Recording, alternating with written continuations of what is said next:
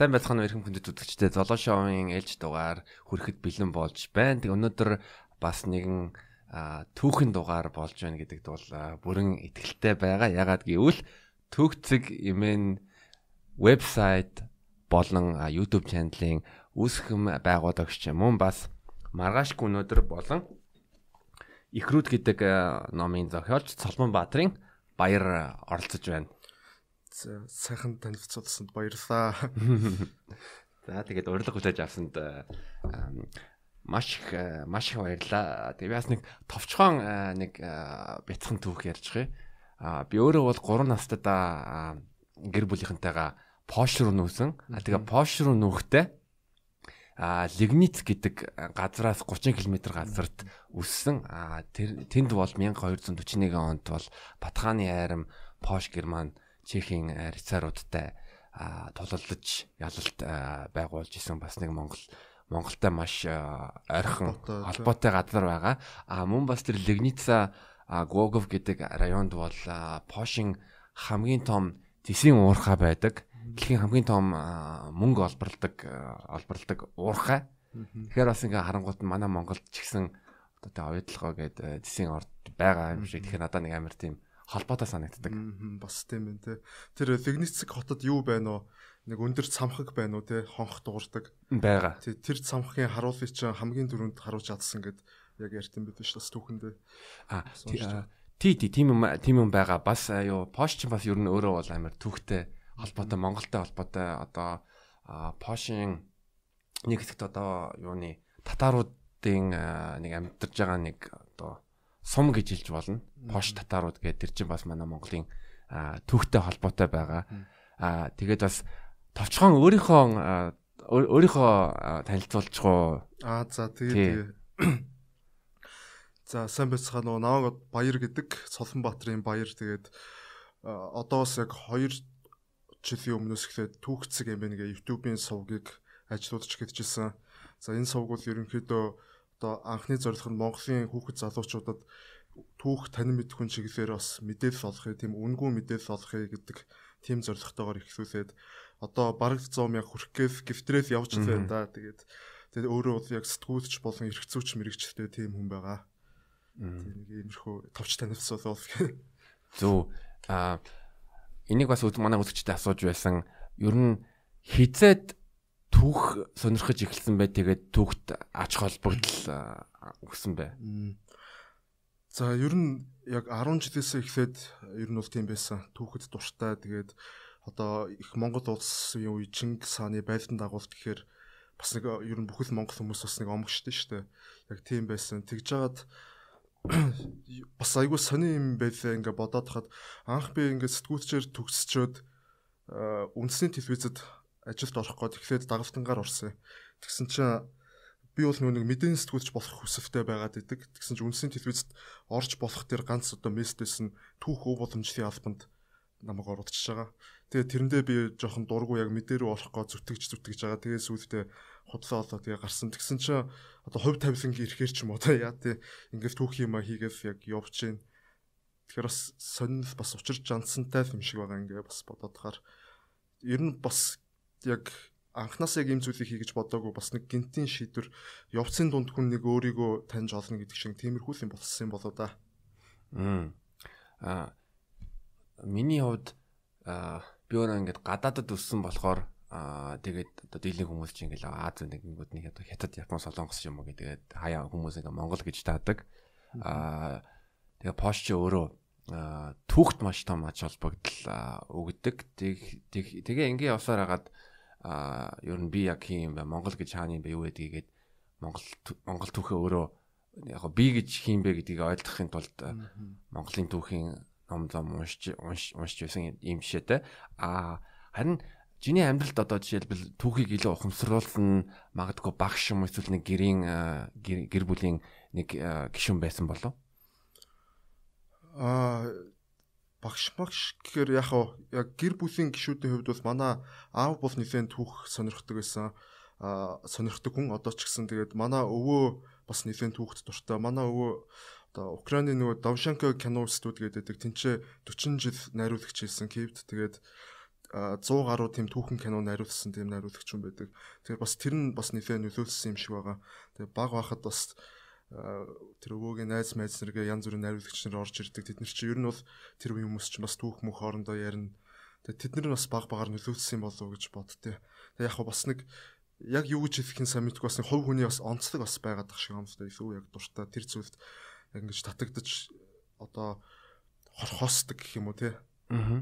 Аа одоо жишээлбэл ингээд нөгөө Марк Закербергээс та өдөрт хэдэн цаг ажилладаг вэ гэхэд юуг ажиллах гэж бодхоос хамаарна да гэд хариулсан байдаг шиг одоо энэ бол яг нөгөө одоо хийгээд байгаа ажлын мөртлөө яг ажил биш нэг өсөнд бас нэг яг дуртай зүйлээ хийгээд байгаа юм шиг нэг тиймэрхүү болц. Тэгэхээр одоо угийн дуртай юм мэдхгүй. А түүх юм гээд Захим хуудасаа YouTube channel бол 2 жил 2 жилийн өмнө анхны видеого видеого нийтэлсэн. А түүхцэг юм вебсайтыг яг санааг нь бас яаж бодож ирсэн. А за энэ бүр яг ийм түүхтэй маа. За 16 илүү 7 онд юу яажсэн. Нөө нэг Facebook-ээр ингээд янз бүрийн юм хайжсэн чинь гадны ингээд түүхэн зураг нийтдэг тийм одоо пэйжүүд байдаг штэ тайлбартай тийм пэйжүүд ингээд би яг их дагдаг байсан. Тэгээд тэрийг уншдаг англихээр тэгж жагаад үгүй Монголд ер нь ийм юу байдгүй юм биш тэгээд тэрийг олж харангуудаа байдгүй бол ер нь би яагаад хийж ч болдгүй би ч энэ тавтаа дуртай сонирхолтой уншдаг. Тэгээд хамгийн анх хүн төрлөختний фото түүх гэдэг Facebook дээр пэйж нээжсэн. Тэгээд тэр пэйжээрээ дамжуулж явж агаад түүхцэг эмэн гэдэг вебсайт байгуулад тэгээ тэрнээсээ дамжиж явсараа яг тэр нэрээрээ явсараад YouTube-ийн channel одоо нийцсэн гэх юм уу. Гэхдээ яг өнөөдөр бол тэр хүн төрөлхтний фото түүх болон түүхцэг эмэн гэдэг яг вебсайт нь бол э, миний нэр дээр бол биш байгаа л та өөр хүн эзэмшиж байгаа. Юу хамаарлахгүй байгаа.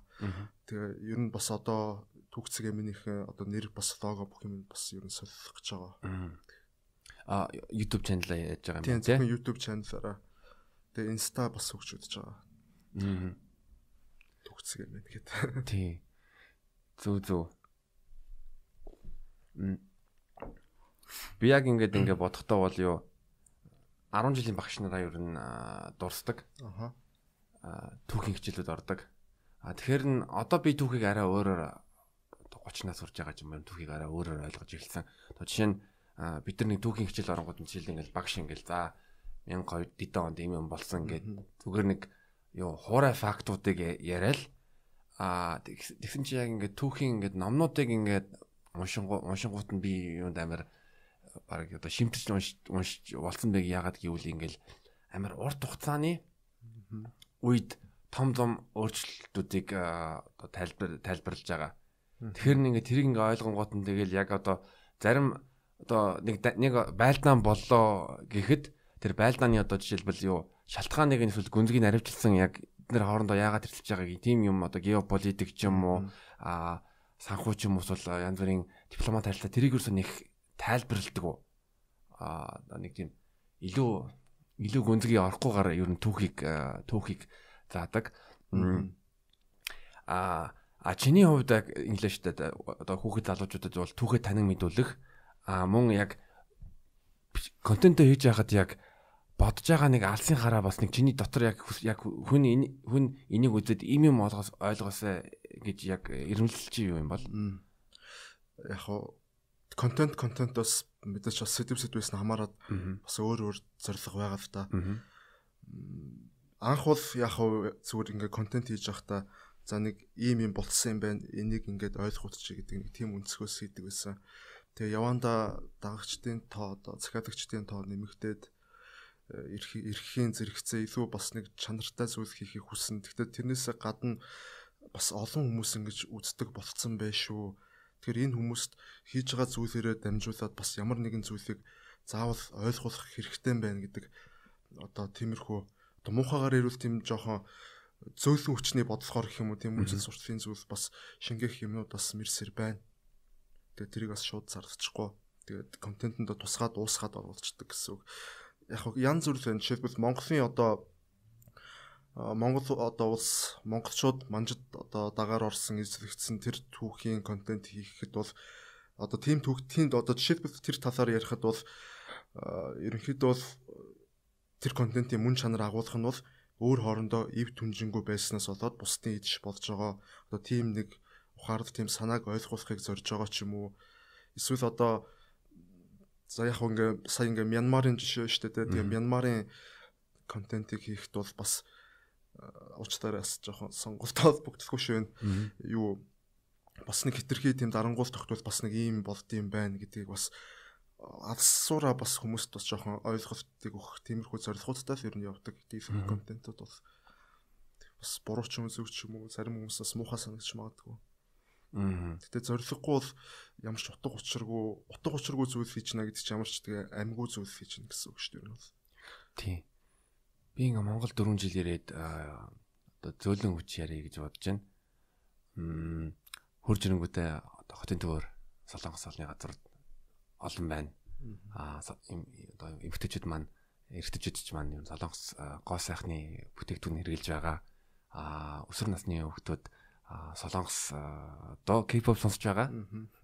Аа би өөрөө ерөөсөө Европ ч ер нь Солонгосын зөөлөн хүчин сул байдаг. Яг Samsung ч юм уу LG гэл ингээ захилгаан бараа гэж мэддэг. Солонгос бол аа тийм олон нийтэд тийм хүртээмжтэй байдгүй. Тэгээ Монголд ирэнгүүт нь би аа Монгол Монголд ирж байгаа удаа нэг Монгол Монгол соёлтойгоо аял ойрхон байна гэж бодож яхад одоо 4 жил нар төсөөлөхөд одоо 7 дахь язны удаа найз нартайгаа Солонгос ол идэе сууж уу ч юм уу? Аа Солонгос бүр үг ингээд мэддэг болж байгаа. Би тэг би тэгтээ ерөөсөө одоо ерөөсөө зориод яагаагүй Айстад айжмар тийм болчиход байна уу тийм. Айстад айжмар тийм болоод байгаа. Тэгэхээр яг ингээд солонгосчууд бидний ухамсаргүйгээр одоо төвлөрөлгүйгээр яаж одоо зөөлөн хүчээ өөрийнхөө бодлогоо нэмэгдүүлж байгаа вэ гэвэл ингээл 20 10 20 жил дотор анзаархад бол яг мэдээж би бол тийм нэг айхтар тийм нэг геополитикч одоо геоулс төр ч юм бол биш шүү дээ. Гэхдээ тэр талаар яг бас судалдаг дуртай хүний хувьд зүгээр хариулъя. Тэгээд нэгдүгээр за миний бодлоор бол яачгүй солонгос солонгосын ч бай одоо яг солонгосын зөөлөн хүчний бодлого хүчтэй байгаа. Ер нь бол гадны маш олон тийм соёлуудтай өртөмтгий байгаа шүү дээ Монгол улс. Тэгэхээр нэгдүгээрт миний бодлоор бол энэ үндэсний оюун санааны дархлаа гэдэг зүйл ерөөсөө байхгүй байгаад байгаа юм болов уу гэж бодоод байгаа. Тэгэд энийг яг хэн бий болгох юм бэ гэд тэгээд яг хөө мэдээж Монгол хүмүүс бий болгох нь одоо Монголын одоо нин ялангуяа энэ залуу үеийнхэн өөрсдийнхөө энэ өв соёл үндэсний бахархал гадны нөлөөнд автахгүй бах тэр ухамсарыг бүрдүүлэх хэрэгтэй. Гэхдээ энэ бүрдүүлэлтийг зүгээр хэдэн хүмүүс ингээд бид нар ч одоо ингээд бүгдээрээ эвтнэгдээд үзэл санаагаа ингээд нийлүүлчих бас яг үндэ бол ингээд чадахгүй шүү дээ. Энэ тэнд амьдарч байгаа би би нэг танихгүй хүмүүс. Mm -hmm А энийг яг хин хийх ёстой юм бэ гэхээр явцчгүй төрийн зохицуулалт төрийн бодлогоор л энийг бол хэрэгжүүлэх ёстой. Тэгэхээр Монгол төрийн өөрийнх нь энэ оюун санааны дархлаа нь сул байгаа болов уу гэж би бол хартай. Тэгээд тэр ч утгаараа одоо өөрсдийнх нь соёлыг гадны төрөлтөөс бол хамгаалж чадахгүй байгаа дээ шүү дээ монголчууд. Ер нь бол яг хоо жоохон буруугаас дээшээгээд өгчих гээд байх шиг байна ер нь бол. Аа. Тэгээд ямар ч дархлаа тийм соёлын нэгдсэн тийм одоо хамгаалтын тийм бодлого байхгүй юм чинь гадны соёл хүснээрээ орж ирж байна дураараа дүргэж байна Монголын залуучууд баг багаар автж байна одоо K-pop-ыг бол мэдээж маш их сонсдог болсон байна. Тэрийг бас буруутгахгүй тэгтээ бас хараад хад яг нөгөө нэг нэг миссэм нэг стори хийсэн байсан шүү дээ тэрэн дээр тэгээд яг K-pop яг үнэн сэтгэлээсээ дурлцсан яг одоо муухай хэрэг тучраа мэдхгүй жоохон хүмүүс яаж өмөрж тэр эмэгтэй дуучнаас яаж муухай доромжтож байна. Тэр мэрийг хараад хахад бас бас ер нь хэцүү байгаа юм байна да гэж бас бодогдчихлаа. Энэ асуудал. Энд тийм юмнууд болоод байгаа. Би өөрөө бол юу тогтмол яг энэ Азад бол болон энэ бас миний ажил хувийн ажилтай холбоотой. Аа ялангуяа эдийн засгийн геополитикийн мэдээ цуглуулдаг. Аа би тагнал биш. Тэгээд одоо Казахстаны Казахстаны надаа зөөлөн бодлого надаа амар хүчтэй юм шиг санагдаад байгаа. Аа яагаад гэвэл хэдхэн сарын өмнө ч үлээ би нэг 2 3 сарын нэг мэдээ мэдээ уншиж тэрний юм гэвэл Казахстаны үндэсний телевизэн Туркийн Туркийн ТV продакшнтай том гэрээ зурсан. Хамтраад одоо түүхэн юуны Сэлжүк төргийн Түргийн а түргийн султааны тухай олон ангид кино ингээд кино хийн. А тэр тэр турк талаасаа ямар баг оролцох вэ гэвэл нөгөө энэ гайхамшиг 100 жил гээд турк олон олонтно байдаг. Аа тий инвишнэр яваадсан тий. Тэрийг бол ер нь поштж үзэж байгаа Монголч гэсэн туркийн ер нь бол юуны ТV салбар энүүгээр контент салбар амар хүчтэй явж байгаа. Тэгээд тэр тэр одоо бүтээлд оролцож исэн туркийн мэрэгчлэтнүүдтэй Казахстан хамтраад уран бүтээл хийж байгаа. Тэгэхээр нь бас яг өөрсдийнхөө яг бодлогоо хадгалаад тэгээд цааш цаашдаа а юу бусад орнууд руу бас таниулах чадвартай байгаа юм. Тийм байна та. Казахстан ч угаас яг нэг станы орнууд дундаа бол хамгийн эдийн засгийн болон хүн амаарч хамгийн өндөртөө ороод байгаа ш. Гэхдээ яг за би бас өөрийнхөө яг энэ тав дээрээс бодлоо хийчихөө. Тэг тэг. Юу за чиний зоологийн өнцгөөс бол яг Казахстаны одоо энэ зөвлөлийн хүчний бодлого бас нэг оюун санааны дархлааны өнцгөөс яриад дээ. Тэгээ нөгөө талаараа э, энэ нь яг туркуудын бодлого бас байж бас магадгүй юм. Туркууд ч одоо бас нэг одоо Эрдоан гээ ерөнхийлөгчтэй болоод айгу хүчрхэг болчихлоо ер нь тожд өөр тожд юу яг Османы эзэнт гүрэн нуруу унснаас хойш одоо хамгийн хүчрхэг 90 үе дээр яваад ш Туркууд бас. Тэгэхээр э, эднэрт чинь нэг юм үзэл бас давмгаалаад байгаа шиг байгаа. Одоо монголчууд бол сайн штэ өөрөд эднэр чинь. Тэгвэл монголчуудыг өөрсдийнх нь нэг хэсэг буюу одоо миний ойлгосноор нэг их тураан гэдэг үзэл явагдаад байгаа шиг. Тэгээд нэг тураанизм. Тийм тураанизм их тураан улсыг байгуулна гэд. Энэ их тураан улсын газар нутг нь хаашаа үртэл явах юм гэхээр миний ойлгосноор бол Казахстаныг даваад Монгол орох гэдэг юм шиг автаа ахын дүүс энтергээ бас манайхыг нэгтгээд тэгэхээр миний хувьд магадгүй энэ яг хав Казахстаны нэг талаараа байж болох гэсэн нөгөө талаараа туркуудын бас зөвлөө хүчний бодлогын нэг хэсэг ч бас байж магадгүй л ингэж бодож байна.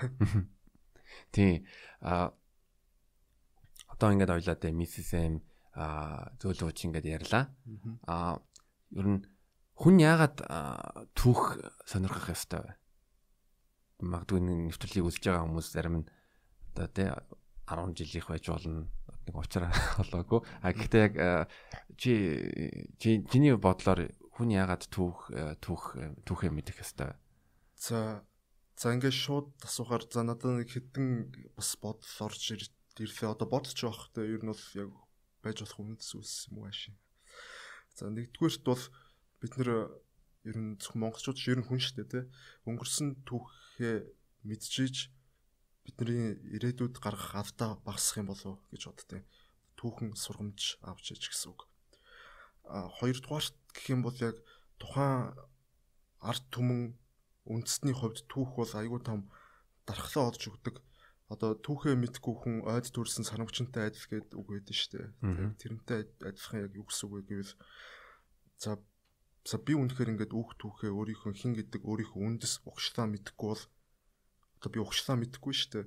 Тэгвэл нэг хятад хүн ч юм одоо нэг гадны хүн ирээд өө танах ч манахта нэг соёлтой штэ нэг угсаатай штэ. Сүулт ингэж танах тустаагаараа явж агаад энэ хил мэлийг цохиогоод ингээ тустаа хил мэлээр ярьдаг болсон царайгаар бид нарт дэжлэгэн байгаа эцтэй энэ төргээл магадгүй илүү хүчрхэг болсон ингээ ярихад өнөөдрийн бид нар өнөөдрийн бидний мэддэг түүхээ бид нар мэдэхгүй байсан бол тэрэнд өртөмтгий болох байхгүй. Бид нар өөрсдөө мэдэхгүй юм чи. Бусдын үгэнд итгэх одоо магадл өснө гэх юм уу дархлаа маань автагдана гэх юм уу.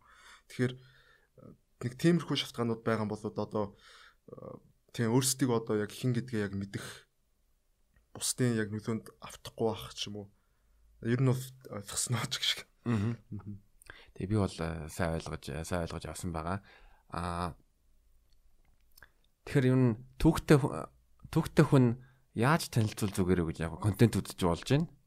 Ном уншиж болж байна. Одоо музей эсвэл түүхэн газар дээр очиод аа энэ талаар яг юу гэж бодож байна.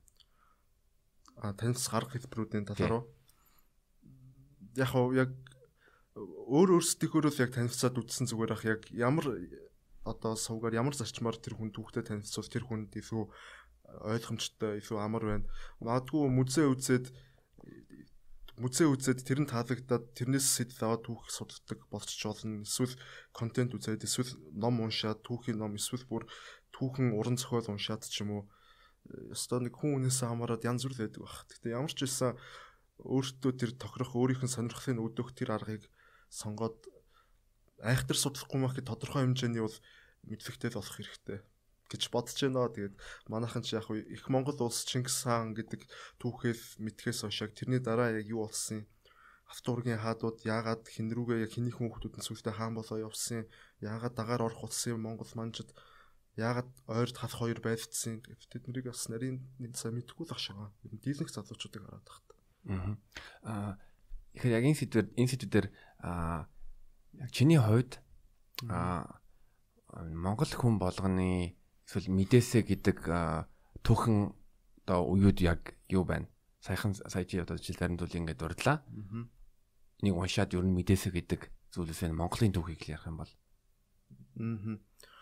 Аа за яг хуу мэдээч яг хуу Чингис хааны үеийг бол бүгдээрээ мэдж байгаа. Тэгээд Чингис хааны дараа дараагийн хаад мөнх хааны үеийн талаар сайн мэдэх хэрэгтэй болов уу гэж боддоо. Яг тэр үед бас нэлийн игцэгтэй юм бодож одоо Чингис хааны өвлүүлсэн одоо өгөөдөн ухсааны өгөөдөө ухсааныхын чинь хаан явлаа шүү дээ. Тэгтэл тэр чинь яг солигдсон тулан ухсааныхын руу яг орж ирж төрийн иргэдт маягийн зүйлээр ер нь бол солигдсон.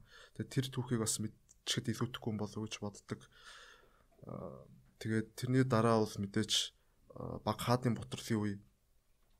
Тэгээ яагаад ингээ хоорондоо ер нь алцаад байна. Яагаад ингээд ижлэгэн нэг том хүчрхэг улс байгуулчаад дотроо хуваагдаад ойрд халахаараа зүүн гарын хаант улс болоо хоорондоо байлтав.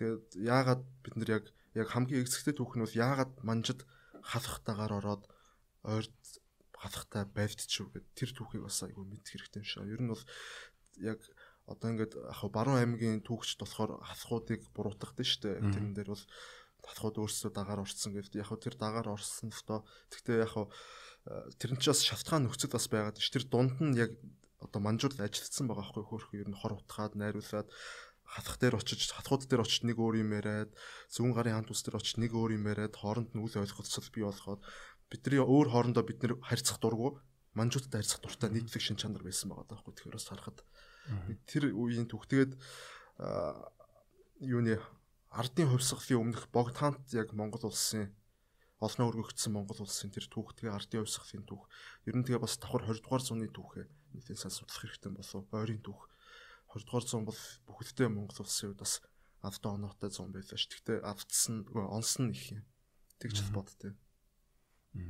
Өнөөдөр би яг евро студи руу алхаж байхдаа жиний а богдхаантын өр монголчуудын тэр бичлэгийн сүлийн бичлэгийн сонссон. Тэрийг бас үзээрэй гэж зүйлий. Яг чиний хэлж байгаа юм шиг хичнээн одоо богдхаант улс өвөр Монгол өвөр Монголтойгоо нэгдэх гээд үдсэн ч а цаана нь юу вэ? Өөр одоо бидний контролоос зөндөө юм зөндөө юм байсан жишээ нь. Бидний контролоос эрх мэдээс зөндөө шийдвэрлэх боломжгүй зүйлүүд байсан жишээ нь Оросын эзэнт гүрнээс дэвсэг авах а тэгэнгүүт нь одоо бидний мэдж байгаа зүйл мөн тухайн үеийн үеийн яг тэр мөчид мэдээгүй байсан жишээ нь Орос, Японы нууц гэрээ жишээ ч юм уу дараа нь эсвэл Орос хятадуудын гэрээ. Тий. Тий, тий. Ер нь тий. Яг хуу тэгтээ бас гайхамшигтай байгаа юм шүү. Тухайн үед одоо хятадын хүн ам яг хэд байсныг би бол сэдж мэдэхгүй байна. Одоо хоёрт нэг бас нэг 400 500 сая байсан байх гэж бодож байна. Тэгэд Монгол ч одоо богдхант Монгол улс чинь тухайн үед нэг 500-аас 600 мянган хүн амтай дөнгөж тусгаар тогтнож байгаа одоо яг өндөр тийм бөөс хурстайгаа зурагдсан нэг хэцүү үндэстэн байгаа шүү дээ. Тэгээ тэд нар чинь э, хаант Оросоос зэвсгийн тусламж авсан гэсэн чинь хаант Оросууд а хятад руу дайрж өвөр Монголыг төлөхөд бол зэвсэг өгөхгүй. Та нарыг зүгээр хятадас хамгаалах хэмжээний өөрсдөө хамгаалах хэмжээний зэвсэг өгье гэд зэвсэг өгсөн. Тэгсэн чинь тэр зэвсгээр нь тохируулаад цэргүүдээ зэвсгэлэнгуудаа хятадын тэр шорон түмэн хүнтэй аримтай байлдаад ялаад ялаад урагшилсараагаад цагаан хэрэмдэр тулаад очсон байгаа тийм цөөхөн үнтэй олигтой зэвсэг уулс. Тэгэхээр э, бас гайхамшигтай байгаа. Бидний тэр цусан бас нэг тийм зүйл байд юм. Одоо эн чинь бас нэг талаараа миний өгөх гээд байгаа ойлгуулах гээд байгаа зүйлтэй яг хөө сувгаараа дамжуулж нэг нэг бахархлыг бас бий олгох гэдэг юм уу. Яг Монгол хүний бид нар бас тийм хинч биш байгаагүй юм шүү. Хэдий цөөхөн ч гэсэн өөрсдөөсөө хэд дахин хэдэн 10 дахин хэдэн бараг 100 дахин илүү хүн амтай улстай тэгж үзэж чаддсан чаддаг түүх саяхан бас байсан байх шүү гэд. Ер нь ингээ 20 дугаар зуунд монголчууд ч ингээд хоёр удаа цагаан ирэн дээр тусаад оччихлоо шүү дээ. 2 дугаар зууны түүхэнд тэгэхэд нэгтэн тэнд Богтаанд Монгол 5 замын байртааны үеэр очсон. 2 дугаарт бол Японоос өөр Монголыг хаттыг чөлөөлөх дайнаар бол нэг чой болсонгүй нэг очлоо марш. Тийм. Ер нь бол нэгтгэх хүсэл бол байсан байгаад байна. Тэгтээ үнэхээр чадсангүй. Ягаад гэвэл хорвоо ямар нэг бидний хүслээр ирэх биш үү гэдэг шиг. За яг юм байна та. Ингээд зарим хүмүүс яг ингэж ярьдэн шүү дээ. Одоо бүх юм чамаас шалтгаална. Чиний амьдрал гээд те. Үгүй яавчгүй надаас шалтгаалах нь үнэн шүү дээ. Тэгтээ энэ хорвоо дээр би ганцаар амьдрдаг бол 100% надаас шалтгаалчмаар байна. Тэгтэл бас үгүй эргэн тойронд хүмүүс амьдарч байна, нийгэм байна. Тэгэхээр миний амьдрал яаж надаас шалтгаалах юм бэ? Яг хав дийфийн хувь надаас шалтгаалах. Гэхдээ надаас шалтгаалахгүй зүйлсүүд маш ихээр өрнөж байгаа байхгүй. Яг тэрнтэй адилхан том өнцгөр нь харуул улс төрд бол дан ганц монголчуудаас шалтгаалахгүй зүйлсүүд айгүй хөрнөөл байгаа.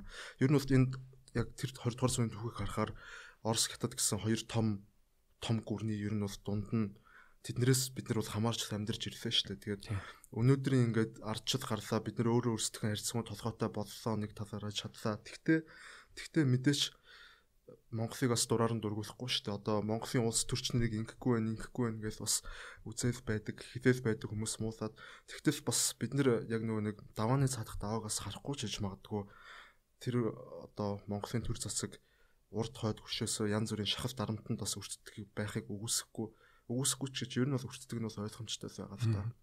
Тэгэхээр бас жоохон тэр зургаар нь жоохон өргөн зургаар нь бас харж ойлгох хэрэгтэй болов зарим асуудлуудыг яг энэс бас хараад тахад. Тий. Тэр бол тэр бол тийм би яни Бордаков гээд Оросын 8 ажилтны 20 дугаар зууны ихээр Монголд амьдраад амьдраад нэг Оросын юу худалдааны пүүст ажиллаж исэн дурсамжуудыг уншиж ирсэн. Аха.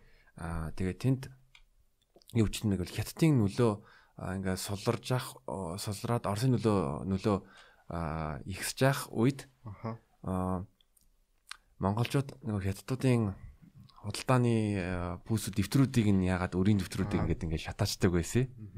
Тэгээд хэсэг хэсэг орсууд орсуудын юм сулрангууд буцаад нөгөө хятадууд нэг ингээд нэг тийм аа тийм тийм өрийн дэвтэр шатаадаг байсан байсан гэд яг хав тийм бол нэлээд болсон юм бэлээ. Мэдээч яг яг ингээ өнөөгийн нөхцлөөс ингээ харахад бол тэр бол одоо гимт хэрэг байгаад байгаа байхгүй юу? Бол тий. Гэхдээ яг хав тэр чинь нэг талаараа бас Монгол одоо банкар ярих юм бол Монголын банкнуудын банкнуудаас зээлсэн мөнгө биш тэр гадаадын одоо дарлагч гүрэн гүрний те банкнаас тэг зээлсэн өрийн империализм тийм шатааж байгаа болохоор тэд нар бол ингээд бас одоо сайн ирчүүд гэдэг шиг ижлэгэн бас сайн ирчүүд болж бас явсан байгаа. Гэхдээ яг тухайн үед амьдарч ирсэн бол энийг бол буруу гэж үзэхгүй байх. Бас энэ бол зөв зүйл байсан баг. Ард түмний одоо тэр хятад пүүсүүдийн их өрөөс чөлөөлж байна гэдэг чинь бол зөв зүйл их орон ч үүдэл байсан баг бид нар. Яг л бид нар тэдний хараат байсан болохоор а яг өнөөгийн нөхцөлд бол учиргүй тэр банкны э, тэр бүх тэр одоо системүүд нь орж ирээд хакердаад бүгднийг нь устгаад хүмүүсийн зээлийг тэгтэл байх юм бол тэр бол айгу утгагүй тэнэг баг их орно хордож байгаа үйлдэл бодож явах байх л та. Аа. Юунаас жоохон хадварчлаа. Гэтэ а 20 дугаар зуунд чиний чиний бодлоор Монголын одоо онсон зүйлүүд нь юу вэ? Алдсан зүйлүүд нь яг юу юу гэж бодож байна? За ер нь тэнцсүүл юм уу да бас. Яг уу яг биднээс шавтгаалсан одоо шавтгаалж онж автсан зүйлс гэсэн үг те. Яг уу онс автсан зүйл бол байна одоо анх яг миний хувь үнсэг штэ би бас түүхийн ухааны тийм яг мэрэгчлэн хүн биш зөв сонирхлоороо судалдаг те. Яг миний өнцгөөс ингээ харахад бол нэгдүгээр тэр ардын хувьсгал гараад социализм, коммунизм байгуулна гэд явсан. За тэр бол нэг талаараа мэдээж бид нэр капитализмыг алгасж байгаа хэрэг тэр бол бас буруу байсан баг. Тэгвэл бид нарт өөр сонголт байгаагүй. Тэгвэл коммунизм а тэрнээс гадна их хэлмэгдүүлэлт явсан дээ. Олон олон скетнүүдээ устгасан монголчууд яг хав тэрс үзэхтэй нөгөө капитализмыг бас жоохон дэмждэг ч гэх юм уу те хувьсгалын эсрэг үзэхтэй одоо коммунист хувьсгал явагдаад шүү дээ Монгол те тэр хувьсгалын эсрэг үзэхтэй олон тийм мянган хүмүүсээ устгасан хилмигдүүлсэн тэр бол харамсалтай зүйл нь 20 дугаар зууны. Гэхдээ бас онсон зүйл байна л та. Монгол улс тусгаар тогтносон. Биднэрт өөр сонголт бас байсангүй Оросын коммунизмыг данхаас өөр тусгаар тогтнохын тулд бүгд бүтэн 200 гаруй жилийн турш ингээд манжийн дардал урд хуршийн нөлөөнд ингээ явчаад ирсэн улс үндэстэн ч одоо ямар нийгмээр оршин тогтнох нь хамаагүй ямар нийгмээр нийгэмд амьдрах нь хамаагүй гол нь тусгаар тогтнох одоо хамгийн хэрэгтэй байсан болов гэж бас хардیں۔ Тэгээ биднэрт Тэгээ яг хав чой болсон гой одоо марш байж тээ. Яг би ийм зүйл яг сонсч байсан фэ үний юм уу хүмүүс сайн мэдэхгүй байна. Яг нэг ийм хэлсэн үг нь бол үнэтэй цус урсавч хэв тогтов гэд маш олон хүмүүсийн цусыг урсгасан. Тэгтээ эцэд хэв тогтсон. Тэгээд бас хэлмэгдүүлэлт дээр мэдээж анхны 7-оос эхлээд ингээд найз нөхдүүд янз бүрийн хүмүүсийг ингэж авч устгасан одоо хүнээс муухагаар хэлчихлээ тий. Тэгэхэд одоо ингээ яавччгүй л одоо тэр бүхнийг одоо комментэрний шахавтаар хийж байгаа. Тэрэн дээр бол ингээд яг арх уугаад нүсэмсээ туслуулад сууж исэн гэдэг юм тэгж бас ярьдаг юм байлээ. Өөрөөсөө өөр сонголт алгахтаа ингээ Монгол улсыг тусгаар тогтнуулахын тулд гээд тэгээ хил урсавч э, цус урсавч хив тогтов гэдэг бол амар үг байгаа үстэй. Тэгээд эрхэмлэж яваараа хэмээ машид итгэн эрхчлөө тусгаар тогтнолыг та нартаа үлдээ гэдэг энэ бол одоо цаад философийн ингээ бодоод тахаар бидний энэ тусгаар тогтнол маш их дэндүү их золиосоор ирсэн шүү гэдэг ойлголтыг өгöd байгаа юм шиг байна. Тэрийг эрхэмдэж яваарай л гэдэг. Тэгээд яг хөө тэрний дараагаар автоо оноо гэвэл яг тэр үед тийм байна. Тэрний дараагаар цэдэн балын 90 үе ихэлж байна. Автоонууд за мэдээч бас байгалах яг сайн одоо шууд бас нэрлэе явуулж чадахгүй. Гэхдээ бас оноонууд нь нэфэм байгаа болов уу гэж боддیں۔ Миний хувьд бол яг л тэр үед одоо Цэтэнбат эр үед чинь Монгол улс туйлын дороотлоос өсрөнгөө хөгжилт шидчихсэн яг түүхэн он жилүүд байлаа шүү дээ. Эрдэнэ төлд Эрдэнэ хот байгуулагдлаа, Дархан хот байгуулагдлаа, үйлдвэрүүд байгуулагдлаа, аж үйлдвэрүүд Монгол улс одоо нэгсэн үндэсний байгууллагын гишүүн орн боллоо. Монгол хүн сансарт нисвэ. Эн чинь бол ерөөсөө ингэж богд хааны үед одоо тухайн үедээ нэг 50 жилийн өмнөх үед монголчууд ч баг устгахжсэн үндэстэн байсан шүү дээ. Тэ ер нь бол хэцүүхэн болцсон. Тэгэхэд тийм дорой байсан үндэстэн 50 жилийн дотор заавчтараа нэг сансарт хөрөх хэмжээний 60 70 жилийн дотор тийм өсрөнгөө хөгжилттэй ингэж бодож чадсан гэхээр социализмын бас нэг давуу тал байгаад байна. Биднэрт бол анхны эмнэлгийг байгуулж өглөө, сургуулийг байгуулж өглөө Монголын одоо залуу үеийг тэр чигээр нь боловсрох боловсрох тэр бүх боломж болцоог бий болгож бүрдүүлж өглөө. Тэгэхээр биднэрт автсан зүйлээсээ илүү онсон зүйл их байгаа болов яг өнгөрсөн 20 дугаар зуунд хараад хад тэгээд илүү сайхан цагийг илүү улс төрийн эрх чөлөө илүү тусгаар тогтносон эрх чөлөөг биднэрт олох гээд 1990 оны ардчсан хувьсгал фин салхи одоо дэлхийн нийтийг хамарсан салхи Монголд ирчлээ. Одоо бид нар энэ боломжийг ашиглаж илүү тэр сайхан ирээдүрээс уг нь бас явмаар л байгаа. Аа. Гэхдээ яг явж таагаах. Гэхдээ яг хэр сайн явж байгааг хүн болгон дотроо бодож таагаах. Хэр зөв явж байгааг тэ. Хэрвээ хэлж болох юм бол одоо энэ сүүлийн одоо энэ 30 жилийг 30 жилийн Монголын түүхээс аваад үзэн бүгдх юм бол чамд яг тийм том зургаар харахаар юу ямар э, сэтгэл төрж байна? яг за за том зургаар нь яг өөрийнхөө хувьд бас харъя л да. Том зургаар нь харах юм бол яг үнэхээр хөгжиж байна. Эдийн засаг хэд дахин өсч 90 91 92 оноос хойш тухайн үед жаах нөгөө ардчил Монголд гарч явах үед чинь хөрхийн Монгол улс чинь нөгөө нэг дэлхийн нөгөө донор орнуудын жагсаалтанд байсан юм байлаа шүү дээ бид нар чинь нөгөө нэг улсын төсвийн дийлэнх хувийг нөгөө нэг юунаас зөвлөлтөөсөө татаж авдаг байсан. Тийм тэгж одоо ер нь бол хамаг хороолуудаа бариулдаг амь зуудаг байсан. Нэг нөгөө хэлэхэд бол тэгтэл 100% одоо бүх ачаа бидний нуруунд дээр ирчихээр чинь Монгол улсын төсөв бол хаанаач хүрэхгүй байгаа. Тэгэхээр хөрхөө тэр нөгөө хөгжингүү улсууд Монгол улсын чинь донор орны жагсаалтанд ороод дундаасаа хандив босгоод 97 илүү 99 оны хүртэл тэгж мөнгө өгдөг байсан байлаа монголчууд. Тэгээд тэрнээс хойш Эрдэнэ төлдөрөө түшиглээд нэг хэсэг явлаа. Одоо ингээ оюу толгой, таван толгой яг хав гэрээ мэрээг нь босгой ууртайг ярьж нь бас тэмч байх юм бол тэгтээ яг хав тодорхой хэмжээгээр бол ингээ харахад бол хөгжиж чинь хамаагүй хөгжиж эдийн засаг томрлоо авто оноотой ч гэсэн ер нь бол урагшилж явж гин л гэж би бол харж байна. Гэхдээ яг тэр э, бидний яг зорьсон зүйл яг нэг өгүүлэгдэт байгаа бас нэг зарим зүйлүүд байгаад ах шиг хэдий материалын хэрэгцээгээр бид нэр өөрсдөө хангалттай төвшөнд хангаж чадж байгаа ч гэсэн. За яг нэг нүгөө ингээ ярихад бол одоо бид нэр ингээд э, хотын төв мөвөр ингээ амьдраад ингээд болж जैन те.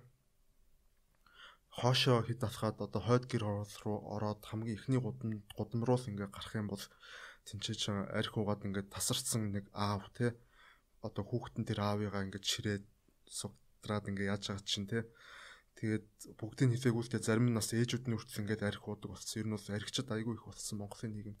Тэгээд тэр хүүхэд нь хүүхдүүд нь аавыгаа татаад бас нэг хажуудаа нэг бетон барьчихжээ. Тэгээд үгүй одоо ингээ 21-р зуунд бүхэл бүтэн нийслэл хот хотын иргэн ундны усаа нийтийн худгаас авж ийн гэдэг чинь одоо бас нэг талаараа хөгжил мөн үү энэ одоо дороотлоо тэгээ энтэйгээ бас эвлэрээд ингээд амьдрал байх юм уу амар бас сэтгэл хатлаглах тиймэрхүү зүйлс бас байна энэ бүхнийг бол одоо за мэдээж тэр э, хүмүүс тэгээ арх ууж байгаа тэр хүмүүсийн буруу л да улс төрчид төр засаг тэр хүмүүсийн аманд арх цутгаж өгөөгүй гэхдээ Тэгтээ төр гэдэг чи одоо юуны тулд байд юм бэ? Нийгэмд байгаа одоо энэ асуудлуудаа шийдэхин тулд байдаг. Хэрвээ энийг одоо шийдэж чадахгүй бол ер нь бол тийм байх шаардлагатай юм уу? Тийм тогтцоо, тийм механизм. Уучлаарай нийтийн улс төрчгөөд байх шиг юм. Тэгтээ зүгээр зүгээр эргэн үнээс яриа юм чи тийм. Тэрнээс айф нэг нам ёсод улс төрийн хүчнийг дэмжээгүй. Тий. Тийм фэн да. Нэг талаараа өнгөн дээрээ бид нэр хөгжөөд байгаа мөртлөө одоо нэг нэг газар дор ертөнц байдгийг мэдхүү гэдэг шиг те яг тэр ертөнц бол байж л байна. 30 жилийн өмнө байсан өнөөдөр ч байж л байна. Тэр хүмүүсийн амьдрал юу ч дээрдсэнгүү. Яг үндэ юу ч дээрдсэнгүү. Тэтгэвэр тэтгэмжин нэмфэ. Инфляцийн дагаа өслөө. Ерөөсөө нэг шийдэл гаргаж үнэхээр чаддгүй юм болов эсвэл энийг энэ бүх асуудлуудыг шийдэх тийм хүсэл сэтгэл зүрх зориг тэр хүмүүст байдгүй юм болов эсвэл магадгүй энийг шийдийгээд магадгүй дангаас биднээс бас шалтгаалдаггүй ч юм болов одоо улс төрчдөөс ч юм уу. Тэрийг бас сайн мэдэхгүй л байна л та. Тэг ярих юм бол юм юм байгаа. А би нэг би Дэн Шаопинг амар ер нь хүндэлдэг. Аа хятад улс хятад улс яг одоо шинжийн анхны чөлөөт чөлөөт худалдааны бүс нээж яхад бол манайх нь юу гэж хэлсэн бэ гэвэл аа муур цагаан байна уу? Хар байна уу? Хамаагүй. Хамгийн гол нь хулгнаа барьж ивэл болоо. Айхтар үг хэлсэн биш бас тий. Аа. Дин одоо монголчууд бол нөгөө Дин Сяпин гэдээ ярьчихдээ шүү дээ тий.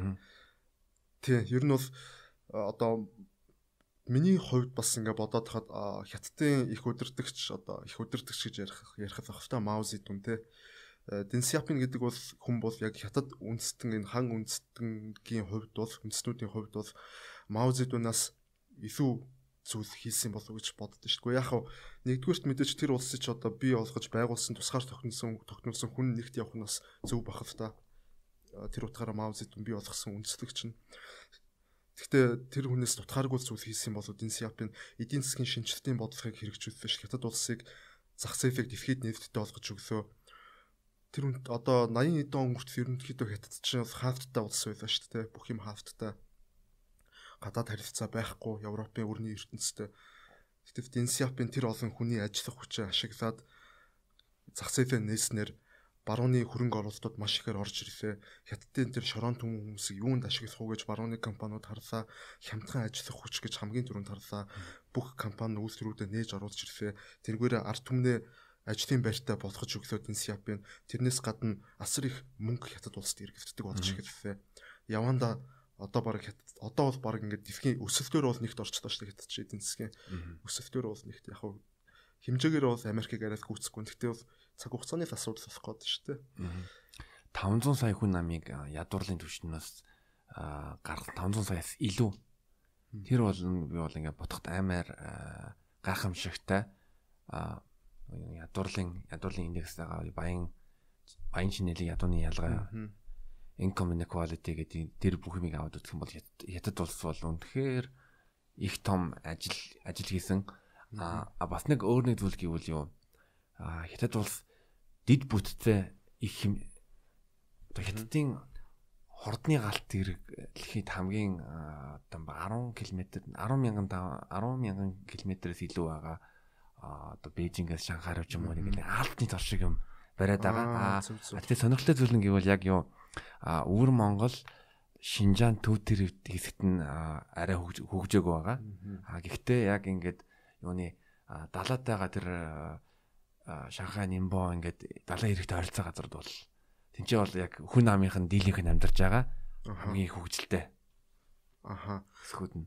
Тийм тэд нар яг хав тийм ер нь бол тийм фэнс та ингээд бас хараад яг бодоод байхад бол яг тэргээр нэг Тэмхүү амын дийлэн хэсэг нь амьдарч байна. Хоёрдугаар тэргээр чинь дандаа хан үндэстнүүд амьдарч байна. Гуравдугаар гэх юм бол зах зээл нь яг тэргээр байна шүү дээ. Одоо бомбтууд нь олон улс гардаг усан тээврийн бомбтууд нь яг тэргээр байна. Тэгэхээр яг тийшээгээ зориулж яаж ч одсон одоо дид бүтэц бүтээн байгуулалтад одоо тэр хаваараа хөрөнгө оруулалт хийсэн.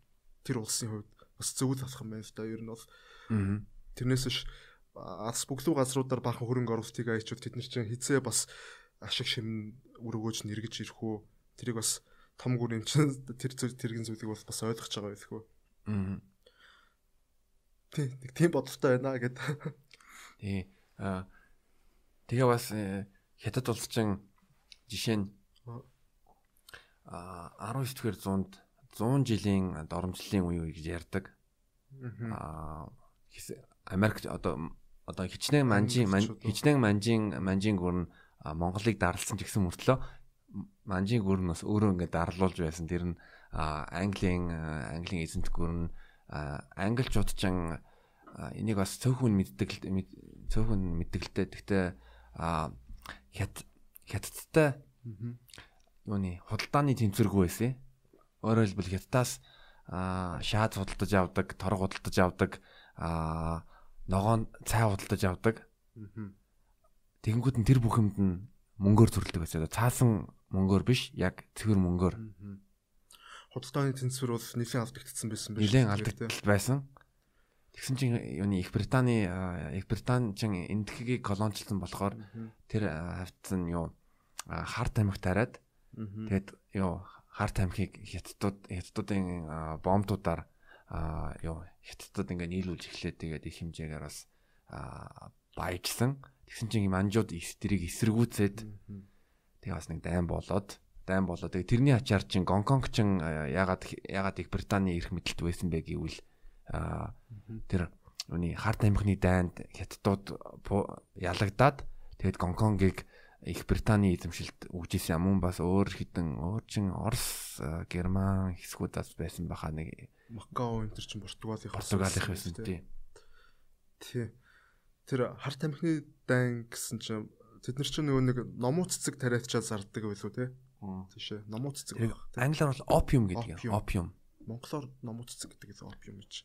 Зөв сайн мэдэхгүй байна. Би ч гэсэн яг сайн мэдэхгүй байна. Би юу гэж боддог байсан бэ гэвэл аа тэр юу Тэр опиум хятадаас орж ирэнгүүтээ Монгол орж ирэнгүүт нэгээд харт ам ягаад гэвэл хар өнгөтэй байсан болоо тэгээ харт амих гэж нэрлэдэг юм болоо би тэгэж бод тэгээ зүгээр миний хувийн бод зүгээр тийм дүгнэлтэлтэй тэгхтэйг нэрлсэн болоо. Магадгүй л би бас мэдэхгүй л яг яагаад яг монголч хар тамхи гэж нэрлэсэн. Тэгээ нийлэнхүүд нь одоо монголч бүгдийн хар тамхи гэдэг байгаа шүү дээ. Энэ бол одоо бүгд олон төрлийн юм байгаа хэрэг ч тийм. Аа. Тий. А тий нөгөө нэг юу яг хөө тэгээд манжийн нөгөө төр өөрөө хүчгүүдээ суларсан байсан баг та. Худалдааны тэнцвэр авдагтангууд тэгээд зөрүүлээ тэр хятадуудад юу зарах уу те нэг зарах юм байхгүйсэн юм. Ашин тэгэн гут нь авчингуудаа хар тамхи зараа ицсэн. Гэхдээ мэдээж тэд нар чи юу гэж хүн амаа тэр опиум заруулаад дампууруулаад суулгаад авах уу байвт нь хоёр удаа байвтсаа хоёулын дээр нь ялагдсаа бүр манжи заанаар чинь баг тулхан шаардах бичиг өгчиж баг хууль ёсны дагуугаар баг тэр хар тамхи чинь хүчээр зарсан юм байдаг шүү дээ. Дайнд явцчаад хар тамхины дайнд. Тэгэхээр тийм тэгэхээр манжууд бол тухайн үед нэлээд сударсан яг нь Монгол дараа нь нэг нэг удаагүй хар тамхины 2 дугаар дайнаас нэг 40 50 жилийн дараа илүү манжууд садарч унлаа шүү дээ нөө тэ. Аа. Тэгээ тэгээ Мао Мао Мао Цзэдунг чин яг үний Чанкай шагт тэрсэлдэл. Эсэлдэл тэгэл хятад болсоо нэгтгэж чадсан. Тэгээ тэрний тэрний ачаар бол хятадуудын хувьд бол маш том гавья байгуулсан үнэлэх ёстой. Аа гэхдээ дараа нь бол аа буруу зүйлүүд хийсэн л дээ. Тэр хиний үед тэгтээ тэр Мао Цзэдун яг хуу сүулт тэр коммунист хувьсгал хийгээд юг хятад улсыг бүгд харамсах хятад хятад ард улсыг бол байгуулчихлаа дээ. Тэгээд Гэхдээ яг улс байгуулчлаа чадлаа тэр бол нэг хэрэг. Тэрний дараа бол хувь хүннийхэн бас тийм тоосоо судалгаагүй эдийн засгийн ухаан муутай ч юм уу улсыг удирдах жоох чадвар муутай хүн байсан юм шиг байгаа. Тэр нөгөө нэг их үсрэлтийн бодлогын талаар мэдхөө мэднэ зү дээ. Ган үйлдвэрлэдэг. Тэр бол ёстой тэнэг алхам байсан те. Доошоо үсрэлсэн л. Тий. Хятад айл бүр ган үйлдвэрлэгч болно гэж баахан ган үйлдвэрлэдэг 2 3 жил тариа тарихгүй Тэгэл нөгөө гангуудыг авдаг улс байхгүй дээр. Тэгээ тариа тариагүй хүмүүс чи яг үлсгэлэнд нэрвэгдэн тэ. Тэгэхээр бас жоохон бодоо мунхагдууч гэх юм нэг тийм шийдвэр гаргасан юм шиг байгаа. Тэгэхээр тэр том үнийг одоо хоёулаа цугаас ингэ яриад байдаг сүв ч юм уу. Яг хөө гэхдээ тийм л байна те. Тий, бас бас чөлөөтэй ингэж ярьж болж байгаад бол би бас талархаж талархаж бол байгаа. Тийм биш те. Үнэхээр одоо энийг бол янз бүрийн хүмүүс үзсэн олон нийтийн мэдээлэл хэрэгслэр засагдсан YouTube-ээр тэгэхэд тэгээд хүснээл ярьж бодож шүү дээ үүнд бол энэ бас гоё эрхчлөө шүү. Энэ бол сайхан эрхчил би яг ингэж алхаж явж алхаж явж байхдаа өнөөдөр тэ а ардчилсан нийгэмд ингэ сонгуулаа сонгуулийн ингээ эрхээ ингээ эдэлчихлээ. Тэгээ би одоо бас чөлөөтэй чөлөөтэй ингээд ярьцлага хийн гэж ингээ бодохдоо амар гой санагдсан. Сайхан санагцсан. Хоёулаа чи яг сонгуулийн өдөр ярилцж шүү дээ нэрээ. Тий. Яг сонгуулийн үеэр үеэр ярилцж байна. А хятадыг бас хоёлаа нэг хэсэг ярьчих юм. Аа. Одоо чин хятад улс нэг хүүхдийн бодлоготой байжгаад 1.5 тэрбум хүн ам хүрсэн. Аа гэвч яг энэ энэ жил анхны удаа үндэснийхээ статистикийн тооллогын дагуу хүн ам нь одоо хүүхд төрөлт багасаад тэгээд хятад хятад улс хөгширж байгаа гэсэн мэдээлэл статистик статистик гарсан. Аа тэгээ нэг 2100 онд гэхэд хятадын хүн ам ойролцоогоор 700 сая болно гэж байна. Одоо ч 1.1 5%-аа илүү. Арай өрөөг баха. 1.4 хавцаа. Тэгэхээр би энэ дээр тоон бол яг хөө тэр хавцаа л байгаа. Тэр хавцаа байгаа. Тэгсэн чинь 700 аа сая хүртэл унна гэдэг байгаа. 100 он хүрэх гэхэд үү? Тий. Яг нөө энэ яг энэ өсөлт ирчээрээ явах юм бол шүү дээ, тий.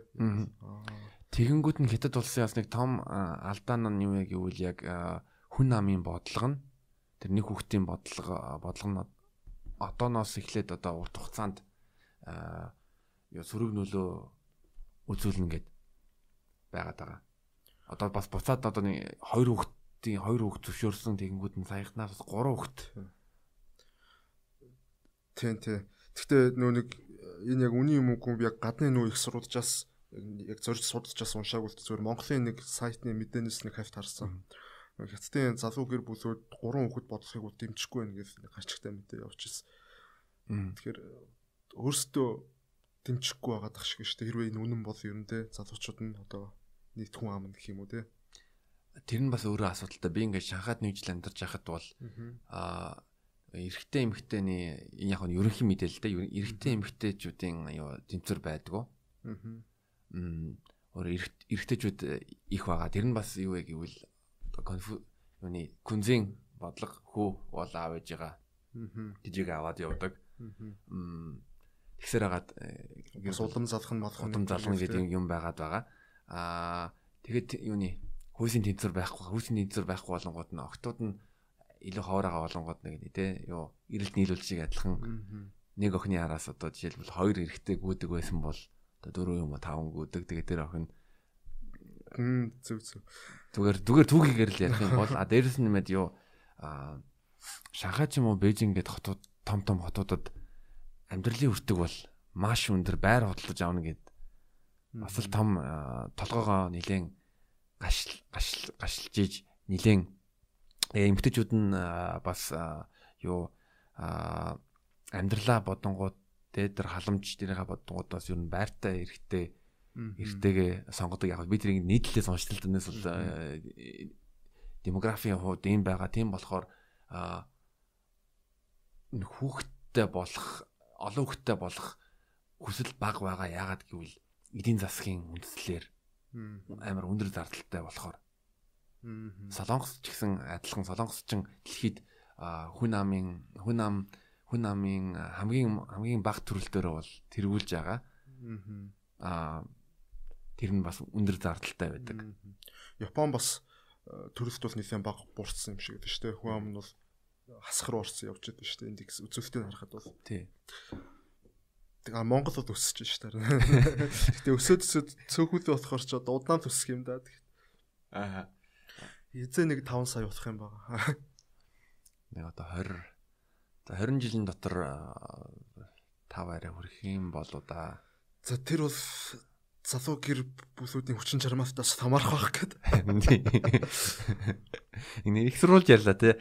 Аа манай сонсогчноос асууж ирсэн чинь ер нь ямар их сурвалжуудаас ер нь мэдээ баримтуудаа контентоо бэлтгэдэг цуглуулдаг бай. Аа яг яг нэг тим их сурвалж гэсэн байхгүй яг хаа ерөнхий платформ ч юм юу одоо ерөнхийд нь ярих юм бол номноос авах юмнууд бас байна. Бас нэлээд байна. Ядангуяа одоо тэр дэлхийн түүхийн талаарх одоо Америк Америкийн түүхийн талаарх тийм англи англи одоо тийм номнуудаас авах тийм мэдээлэлүүд байна. Нэлээд байна. Бас Монголын түүхийн талаар ч гэсэн Монгол номнуудаас бас нэлээд юм аавна. А тэрнээс гадна яалчгүй интернет бол баярлаа. Интернет бол номноос баг илүү тийм мэдээлэл хэрэгсэл одоо болчиход байна шүү дээ. Захим орчинд. Тэр интернетээс бол нэлээд их мэдээлэл олж байгаа, хайж олж байгаа Ер нь бол нэг сайхан гоё сайт биш Google гэдэг. Тинчэнээс ер нь бол нэлийн хайфт гэж орчуулсан да янз бүрийн их сурвалжууд руу орно. Ер нь бол энэ мэдээ яг үнэн байна уу үгүй юу гэдгийг яг хав нэг газараас нэг сонирхолтой юм харч та. Тийм үү тэрийг дахиад өөр өөр хэд хэдэн газруудаас ингэж шалгаад давхар хайфтыг үзчихэнтэй. Яалчгүй маргаангуудын үнэн зүйл байв тэгвэл тэрийг э, хэд хэдэн зүйлүүдийг сэдвийг сонгочоод хэд хэдэн зүйлүүдийг орчуулна. Тэгээд э, тэр дундаасаа нэлээд олон юм орчуулж байгаа ш тэр дундаас ингээд найруулад цохиолоод гаргachна гэсэн үг нэгсэнд бол тэгээд тэрийг микэн дээр өөрөө уншаад өөрөө гясыг төлхөө хийгээд тэгээд тэр нэг чинь. Аа. Тий бас нэг гол зүйл гэвэл юу их сурвалжаа сайн шалгах. Аа тэгээ Ал Жазира байна уу эсвэл нэг тийм яг юу нэг хэд яг мэдээллийн Reuters ч юм уу зарим ингээд нэг тийм бат баттны гэж хэлэхэд ер нь илүү бат баттай талдаа мэдээж 2 3 газар ингээд шалгачих юм бол за энэ энэ ингээд нийцэж байна ингээд нийтлэхэд бол ер нь окей. Тэрнээс бол одоо Монголоос ингээд Facebook дээр харангуут нь нэг дэ нэг сонин сонин пэйжүүд зүгээр нэг нэг мэдээ янгуудаа тэрийг амар юу анхаарал хацаж матсан анхаарал анхаарал татдаг нэг амар тийм нэр нэр өгөнгүүтэй тэгэл тэр ингээ хүмүүс янз бүрийн группүүдээр шеэрлээд байдаг нэг тэгэл итгэмээргүү тэгэл ерөөсөө итгэх итгэл байхгүй ч одоо фэйсбүүкээр ингээд цацагдж байгаа мэдээнэрт бол яг тийм болгоцсон л доо. Тийм яг хоо тэр их сурвалжаа бол мэдээч сайн та. Гэтэ тэрнээс гадна нэг нэг юм асуудал бас яг үүсдэг байхгүй юу? Яг нэг юм асуудал үүсдэг. Одоо энэ контентийг хүргэн штэ. Альва зүйл чинь хоёр тавтаагаад байгаа штэ. Дор хаяж. Энэ контентийг энэ мэдээг энэ өнцгөөс нь хүрэх үү? Энэ өнцгөөс нь хүрэх үү гэдэг нэг асуудал бас үүсээд байдаг. Энэ өнцгийг бариад хүрчихээр энэ өнцгөөр нь хардаг хүмүүсийн дургуун хүрээд ихэрчдэг. Эннээс нь хүрэгчүүд эднэрийнхэн дургуун хүрчдэг. Тэр юу аль болох өстой нөгөө нэг эцгийн эцэхгүй тухлын тураахгүй гэдгээс тэрэн шиг ингээд дундуур нь балансын тэнцвэрийг бариад ер нь хүрхийг хүрхний айгуу чухал юм шиг байлаа ер нь миний ойлгосноор. Гэхдээ яг хуу өөрийнхөө ихтгэл үнэмшлийг бас нөгөө яриад байгаа зөөл хүчний бодлохоор жоохон шингээж өгöl тэгэл ер нь явчихж байгаа юм да. Тий. Тэгээ мэдээ юу би нэг хэсэг юу мэдээ ад тулж байгаа мэдээний контент хийж ирсэн. Тэгээд тэр чин бас тэгтээ нэгдүгээр мэдээгээ яана сонгоно. Хоёрдугаарт тэр бүх мэдээнүүдээс яг чухал чухал юм ингээд шийдэх ёстой. Дараа нь орчуулад тэгээд бичлэгээ хийгээд аа эвлүүлээд чинь бас ер нь их ажиллагаа ажиллагаа шүү. Тий, тий, ер нь бол ажиллагаа орон тэгээд яг нэг нэг юм хитрхи удаан хийхэр чинь жоохон гарччихдээ юм биш үгүйсэн. Тэгээ ер нь харьцангуй хурдан идэг болцсон. Яг анх хийдэг байснаас бол хамаагүй хурдан идэг болцсон. Гэхдээ бас нэг юм хит удаан хийхэр чинь жоохон завхах шинжтэй болоод бас ихчтэй юм бэлээ. Би бас нэг мэдээ зэтэний бас орчуулагч мөршөөдөгч бас тиймэрхүү юм хийжсэн болохоор арай дөхөмл байсан л та өмнө нь. Ажлаасаа гараад одоо ч би яг ажлаасаа гарсан ер нь 100% яг энийгээ хийгээд яг төгсөг юм байна гэдэг энийг хийгээ явж байгаа шүү дээ. Зөв. Тийм юм байна гэт. Тэгэхээр одоо нэг түүхээс гадна яг түүхцэг эмэнээс эмэн YouTube channel ажиллуулахаас гадна яг чөлөө цагаараа юу юу юу хийж байна? За чөлөө цагаараа нэг ном уншдаг муншдаг худлаа мэрэ яг уу. Яг уу ерөнхийдөө тэгээд найзуудтайгаа дуусах юм дөө найз нөхдөдтэйгээс уулзт. Сахих мэсгэнд гарна эсвэл хаяа нэг сууж ганц хоёр пив уух ч юм уу. Тэгээ ер нь бол нэг яг спортоор счээсэн Тэгээ миний нөгөө би өвдөд сүүлийн үед жил гаруй хичээлээ үзтээ. Одоо би арай гайг удаж хэлж байна. Тэгээ нэлийн хүнд ирсэн байж хаад. Тэгээ ер нь яг залуучууд бас уулзаад яг хийх гэхээр бас нэх гоё хийх юм бас ховрол байдсан байлээ. Байдсан юм шиг өөр ингээ хараад хахад бас яг байгаад хахад бас сайн мэдхгүй байна. За мэддэг байсан ч тэр нь э, одоо манад хэдэн 100 мянган залуучууд байдгийг хүрдэцэхгүй байна те. Тиймэрхүү асуудлууд бас байдсан болов уу гэдэг. Тийм сайн да. Тэгэд энэ түүхцэг эмэнийг одоо ер нь яг түрүү нөгөө хэлсэн шүү дээ. Нэрийг одоо солино гэд. Тийм. Нэр лого бүх юм солино гэд. Тэгээ ягаад гэвэл одоо нэгдүгüрт одоо түүхцэг эмэн гэдэг сайт ч угсаа одоо надтай хамаарлаггүй болчихлоо. Тэгэхээр ингээ яваадах нь бас буруу бах. Хоёрдугаарт гэх юм бол за энийг чи хийгээд баг 2 жил болчихлоо гэдэг хэлсэн. Аа хүмүүс одоо бас илүү зүйлийг бас хүсэж эхэлж байгаа шиг байна Одоо илүү чанартай контент ч юм уу те. Тэгээ би өөрөө ч бас яг илүү зүйлийг бас хийхийг одоо нэг дотроос ингэ шаардд юм уу яг шаардаж ихэд чинь тэгээд тэгээ энэний тулд одоо юу их үгээд бас нэг хэд хитэн төлөвлөгөө гаргаад ер нь бол ажиллаж байгаа тэгээд энэ намраас бол арай өөр илүү одоо нэг чанартай телевиз стандарт нийцсэн контентууд ч юм уу те тиймэрхүү зүйлүүдийг хийж эхлэх төлөвлөгөөтэй байгаа ер нь бол болчих واخ гэж бодож байгаа. Аа. Зөв. Контент хийж байгаа хүний үүднээс сайн саяхан 3 4 сард бол YouTube-ээс өөрчлөлт орж ирсэн. Тий. Тэр нь бас манай Монголын контент хийж байгаа хүмүүстээс одоо өөрөөр хэлбэл нэг нэг эдийн засгийн их усэр ингээд алга болчихлоо. Тий. А үзэгчдээсээ ер нь юу юу гэж чинь би бол одоо жишээ нь уран бүтээлч хүмүүс урангуудад дандаа урайл урайлдаг. За контент үзэж байгаа бол бас контент бүтээж байгаа хүмүүсээ ингээд дэмжээрээ а цомогч юм уу мерчендайз ч юм уу номуудыг ингээд худалдаж аваарэ гэд урайлдаг. А тийм үднээс ер нь манай Монгол ер нь үзэгч нар хэр дэмждэг вэ контент контент бүтээж бүтээгч нараа. Уу яг бас дэмжин штэ тэгээд чадлаараа боломж олцоор хүмүүс ч би нэг э, юу яасан яг сүлд юу яаж үзэхгүй ингээд хүмүүс ч нэг одоо donation donation-ыг явуулсаа ягаар энэ төр тэгэхээр үнэхээр орж ирд юм байна уугүй гэд бараг нэг 10 хэдэн контентын дээр тэгж явуулсан ч бас үнэхээр орж ирд юм байна. Хүмүүс бас donation өгд юм байна дэмждэг. Бас утган дээр гоё гоё юм бичин амжилт хүсье үздэг шүү битээ зогсоорой энэ төр. Тэрнээс ч бас урам авдаг юм байлээ хүн. Тэгээд гой гой үгтэй тийм комментууд бичнэ.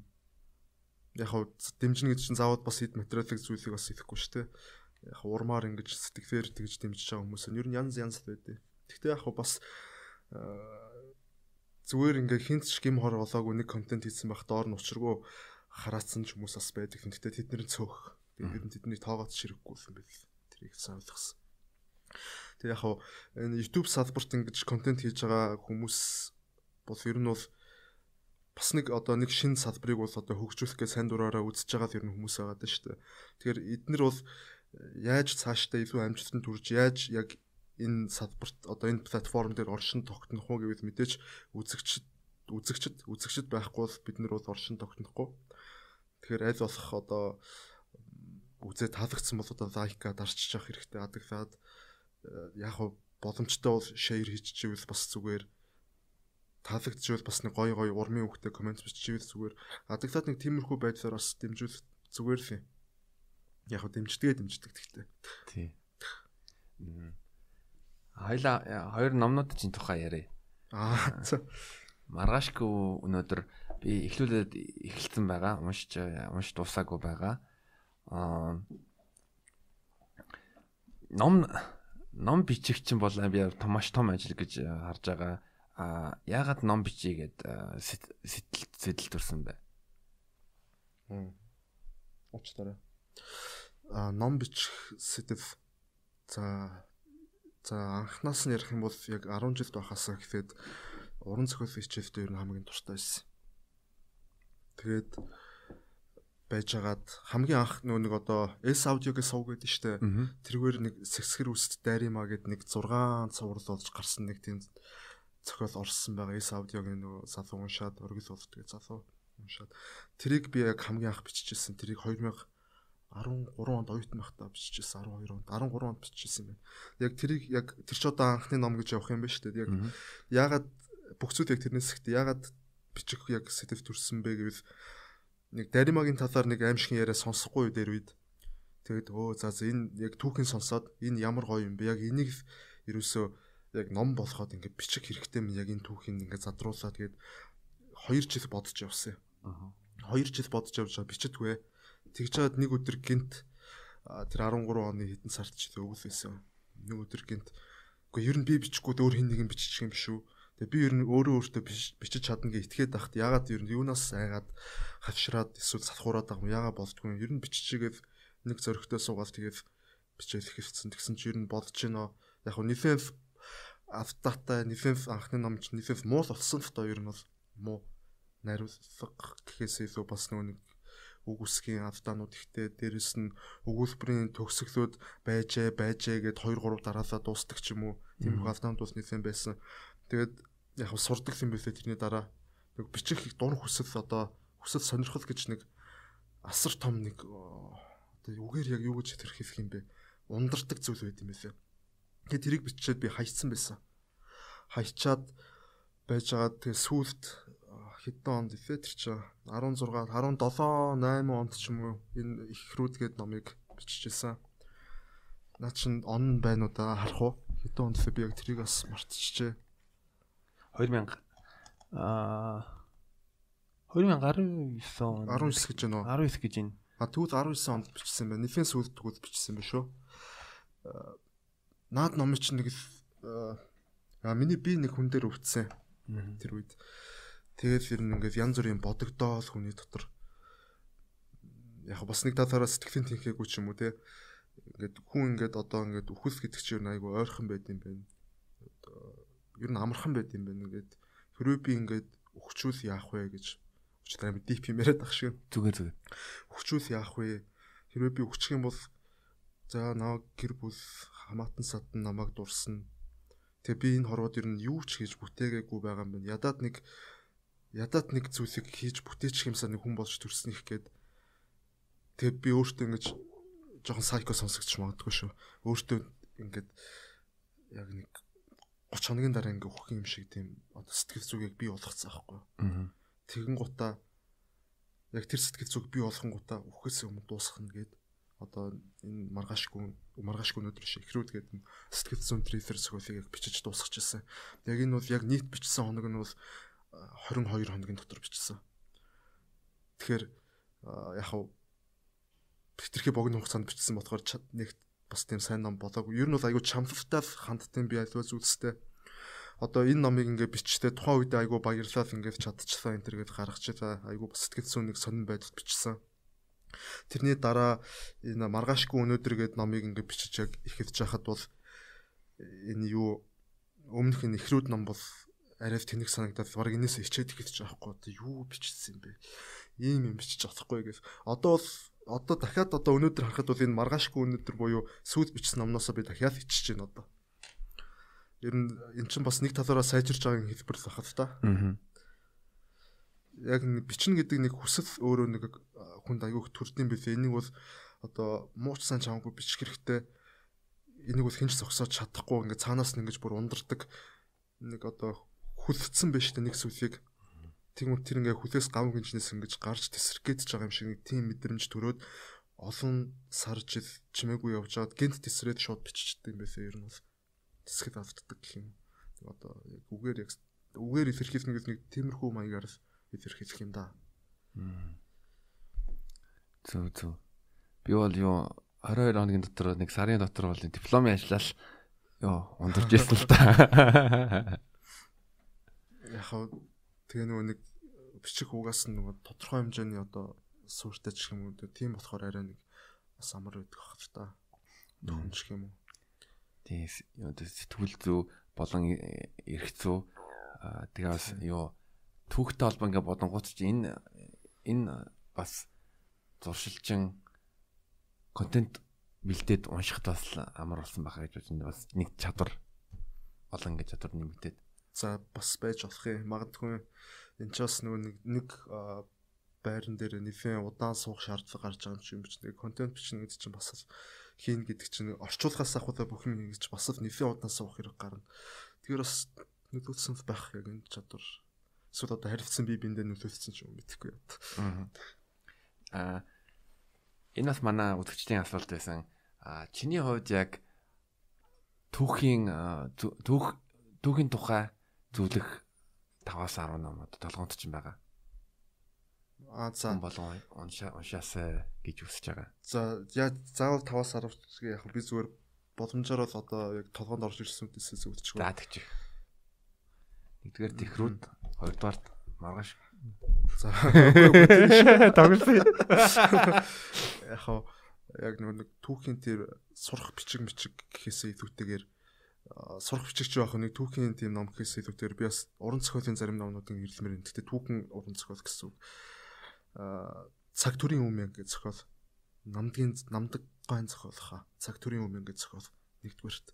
Тэр бол яг нөгөө нэг арт богд хамт Монгол улс одоо байгаа штэ. Ардын хувьсгал давхар одоо скватер жанж яваад штэ. Монгол цагаан зэргүүд ороод ирсэн улаанууд ороод ирсэн. Ер нь л нэг жоох ойлгомжгүй явцсан штэ тэгснээ хоорондоо байвтаад гинт богд хааны зэрэгтэй скватерын зэрэгч байвтаж ах шиг гинт ургаж мурвал нэг тэр үеийн түүхийг айгүй гоёор яг ойлгомжтойр харуулдаг. За нэгдүгээр тэр хоёрдугаарт бол яг Монголын түүхтэй холбоотой номнууд одоогор хэлээд байна л та. Хоёрдугаарт манан будан гэдэг зохиол эдий дайны зудсан. Хиний зохиолтой нэр нь орж ирдгүй ямар муухай юм ботч байгаа гэд. Манан бодонд би одоо яг шалгах гурав дахь ном ажиллаж байгаарай за тэгээ. За гурав дахь ном нь гэх юм бол Ювал Ной Харари гэдэг нөгөө еврейн их сургуулийн түүхч байдаг те тэрний бичсэн хүн төрөлхтний товч түүх нөө Sapiens гэдэг Sapiens. Тэр ном байна. Тэр бол тэр номыг унш Ж Пүрв а Пүрвгүй тийм байна. Ж Пүрв манан бодан J бүрүү. За 3 дугаарт бол яг тэр Yuval Noah Harari-гийн Sapiens тэр бол бас үнэхээр агцсан төвшний ном байдаг шиг тэрийг яг ингээ уншиж үзээд бас хүний сэтгэл зүйд бол нөлөөлж чадхаар ном байл. Одоо сэтгэл зүй гэдэг нь хүнийг бол нэг учиргүй тийм гадсуу советтой болох биш нэг ертөнцийг харах үзэл ихтгэл үнэмшил ухамсарт нь оюу ухаанд нь нөлөөлж чадах үсттэй сайн бүтээл болсон байлээ. За дөрөвдүгээр гэх юм бол дахиад тэр зохиолч маргаашийн товч түүх гэдэг Одоо би тэр зохиолч фэн юм л да яг үнд бас үнэхээр дуртай. Маргаашийн товч түүх гэдэг одоо хүн төрлөختний ирээдүг ингэж одоо ер нь бол ярьж байгаа ном. Одоо тэр нэг уншсан нөө ер нь. Би Sapiens-ийг уншсан. Sapiens-ийг уншсан. Тэр бол амар ном те ер нь Sapiens. Маргаашийн товч түүх нь яг илүү нөгөө ирээдүг би бас нэг амар Ювалнов Хараритай нэг амар зөвүүн түүх хэлээ. Үнээр би амар бахархдаг. За. Аа манай хамгийн сайн найзуудын нэг аа төрсөдөр нь болж ирсэн. А тэгэнгүүт нь би нэг амар зөвүүн билег үгүй гэж бодож ирсэн. Тэгээ би юу гэж бодсон бэ гэвэл за би энэ найздаа Ювал Нова Хараригийн гарын үсгтэй ном бэлгэлнэ. Өөрийн гарын үсэг. За. Тэгэнгүүт нь би аа ёо мань хүн мань хүн одоо хаана хаана ер нь лекс унших юм байна гэж ёо судалж судалж эхэлсэн. Гэсэн чинь Швейцарын нэг хотод тэмцээний лекц уншина гэд гэж юу тавн гарцсан байсан юм. Тэгэнгүүт нь би нэг Швейцард байдаг а бас юу инстаграмаар холбогдсон гутаа нэг бас нэг танилын тусламжтайгаар нэг тэнд яг тэр лекц болох хотод амьдарч байгаа Монгол хүн Монгол охинтой холбогдоод. Аха. Тэгээд тэр охин охин охноос юу одоо гуугаад энэ энэ лекц болох маань энд нь оролцоод тэгээд боломжтой бол юу энийг номыг нь аваад тэгээд гарын үсэг зурулчих уу? Аха. Тэгсэн чинь яг чадаад чадсан байна.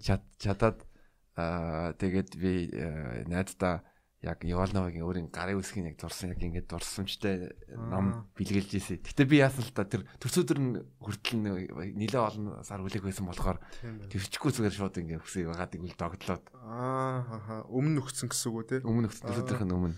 Өрчтэй өгч байгаа. Наач чи ёстой гоё бидэг байна. Тэгээд маш их сэтгэл гарсан биш тас те. Хөдөлмөр сэтгэл янз бүрийн гоё. Ёлновыг хараарай чи бас гэсхийн төвшний сэтгэдэг хүн байдаг шүү. Байдаг шүү бас яг яг толгоонд орж ирж байгаа түрүүн ярих тул нэг тиймэрхүү номнууд яг одоо орол байна. Аа тэгээ яг тэтгэхийн түүхийг өөрчилсөн 100 тулаан болон ингээ сонирхолтой номнууд бас байдаг юм биш. Чингис хаан хааны талаарх нөгөө Jack юм лээ Waterfield гэсэн. Jack Weatherford. Тийм Waterford. Одоо сүлд Франк Маклин гээд түүхч байдаг. Гэхдээ тэр тэр түүхч юу голдуу намтар бичдэг. Аа. Юуны Карл Юнгийн намтар бичсэн Маркус Аурелиус хааны тухай, Роми хааны тухай намтрын бичснэг Чингис хааны бас амар ганган юу ном бичсэн бай. Би тэр номыг уншаал тэгэл одоо амар амар Чингис хааны талаар ном Чингис хааны талаар тий Франк Маклин харьцангуй сүлд гарсан тий. Тий. Аа тэр ном надад үнэхээр үнэхээр яг таалагдсан. Аа Jack Weatherford агаад яг нэг юу вэ гэвэл бид тэрийг бас одоо бодоод ягаад одоо жишээл нөгөө бид нар шиг чингэхгүй генгис гээд байгаад байдаг. Тэр надад нэг дургу өрөөд өрөөд байдаг л та. Тийм, миний бас дургу хүрдэг гэдэг. Яг хав дургу хүрэнч юм. Мэдгүй одоо ягаад гэдэг юм бол анханасаа ер нь тэгээд явчих те. Тэгээд тарчих ер нь бол. Гэтэ одоо энэ яг хүн хамтлагийнхэн чинь ингээд бас яг энэ одоо хэмжээнд бас нэлээд үзүүлж шүү дээ. Одоо Генгис биш одоо Чингис одоо Чингис хаан энтергээ үрд дуу хийлээ. Тэрэн дээрээ дуудлах нь Чингис гэж дуудаж чинь. Тэрнээс бас тодорхой хэмжээний хүмүүс бас харж байгаа. Өрний ертөнцийн хүмүүс бах тийм. Ер нь өрөнд орныг бол харж байгаа бах та. Тийм. Тэгээд нэг сарын өмнө одоо Японд чин Жингисукан гэдэг хоол байдаг юм байна. Оо за. Хоньны мах Чингис хаан гэж нэрлэлсэн. Жохон тийм барбекю маяг ингэ шингээ шаардсан гэсэн чинь тэрийг Монгол маягийн хоол гэж байгаа юм байна те. Монгол маягийн хоол тэгээ тэрийг нэг хятадд очсон японочууд тэгээ буцаад Японд оронгуудаа тэгээ нэрлэлцээ. Тэгсэн чинь Америкт нөгөө Генгис барбекю гэж яддаг грил, Генгис грил гэдэг тэгээд тэрийг ороод бодоолаас л мохоо сэтгэл төрсөн л дөө.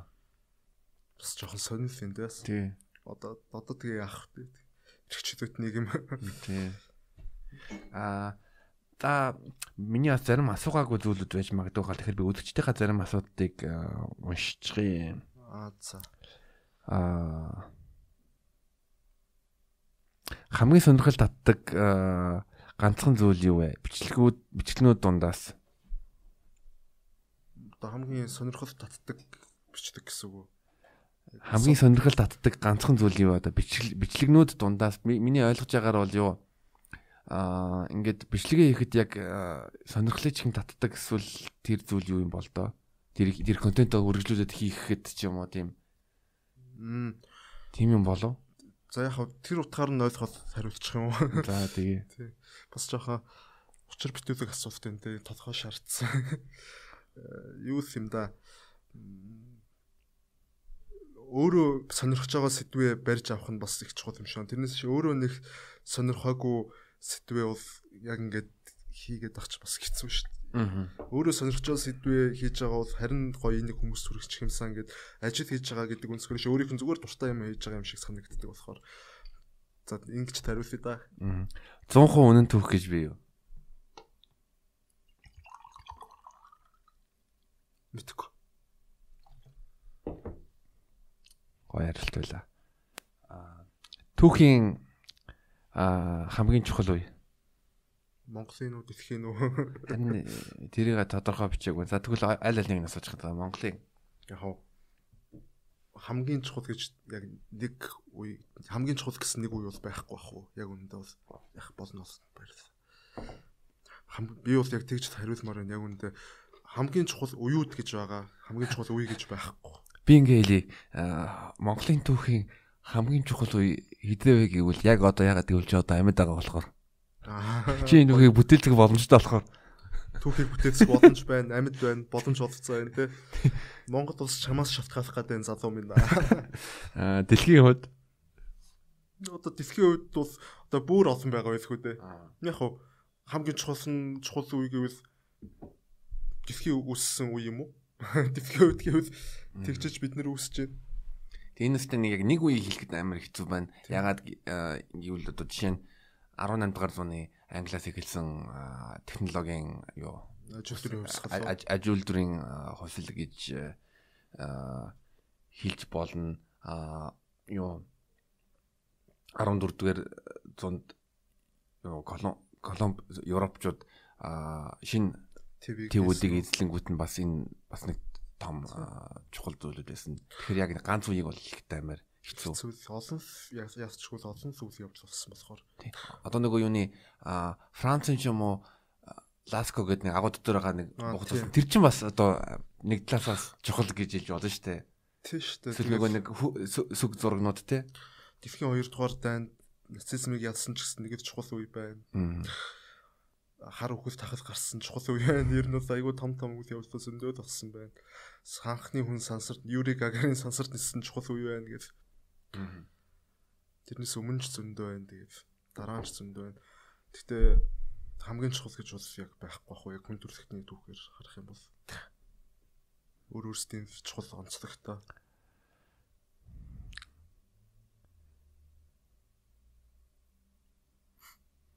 За түүхээс өөр контент хийх үү?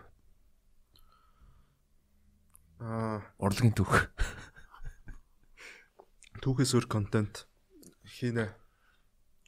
Гэхдээ айхтар зүрхгүй. Аа, богино хэмжээний эсвэл урт хэмжээний кино хийх үү? Аа, ер нь тийм яг кино хийх тийм төлөвлөгөө бол надад бол байхгүй байна. Сэтгүүлчээр яг нөгөө нэг сурж байхдаа ажиллаж мажиж байхдаа ч юм уу кино зохиолууд зүгээр бичиж үзчихсэн л та. Өөрөө өөртөө зориулаад гэх юм уу нэг хэд хэдэн бүрийн хэмжээний. Гэхдээ яг миний яг тийм яг хоббитой зүйл биш юм байлээ. Гэтэ хэлэхгүй гэж бол ам гарахгүй хизээ нэгэн цагт амьдралч бас байна шүү дээ. Одоогор бол хийх төлөвлөгөө байхгүй. Бас бас тэр чинь нүсэр ажил шүү дээ кино гэдэг чинь. Тий.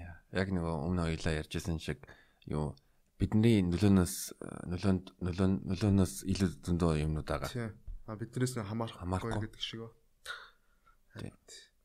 За тэгээд төгсгөл бас надад болон үзэгчид бас хэлэх зүйл байгаа юм бол миний бас асуугаагүй зүйл байгаа юм бол тэрийг хэлж болно шүү.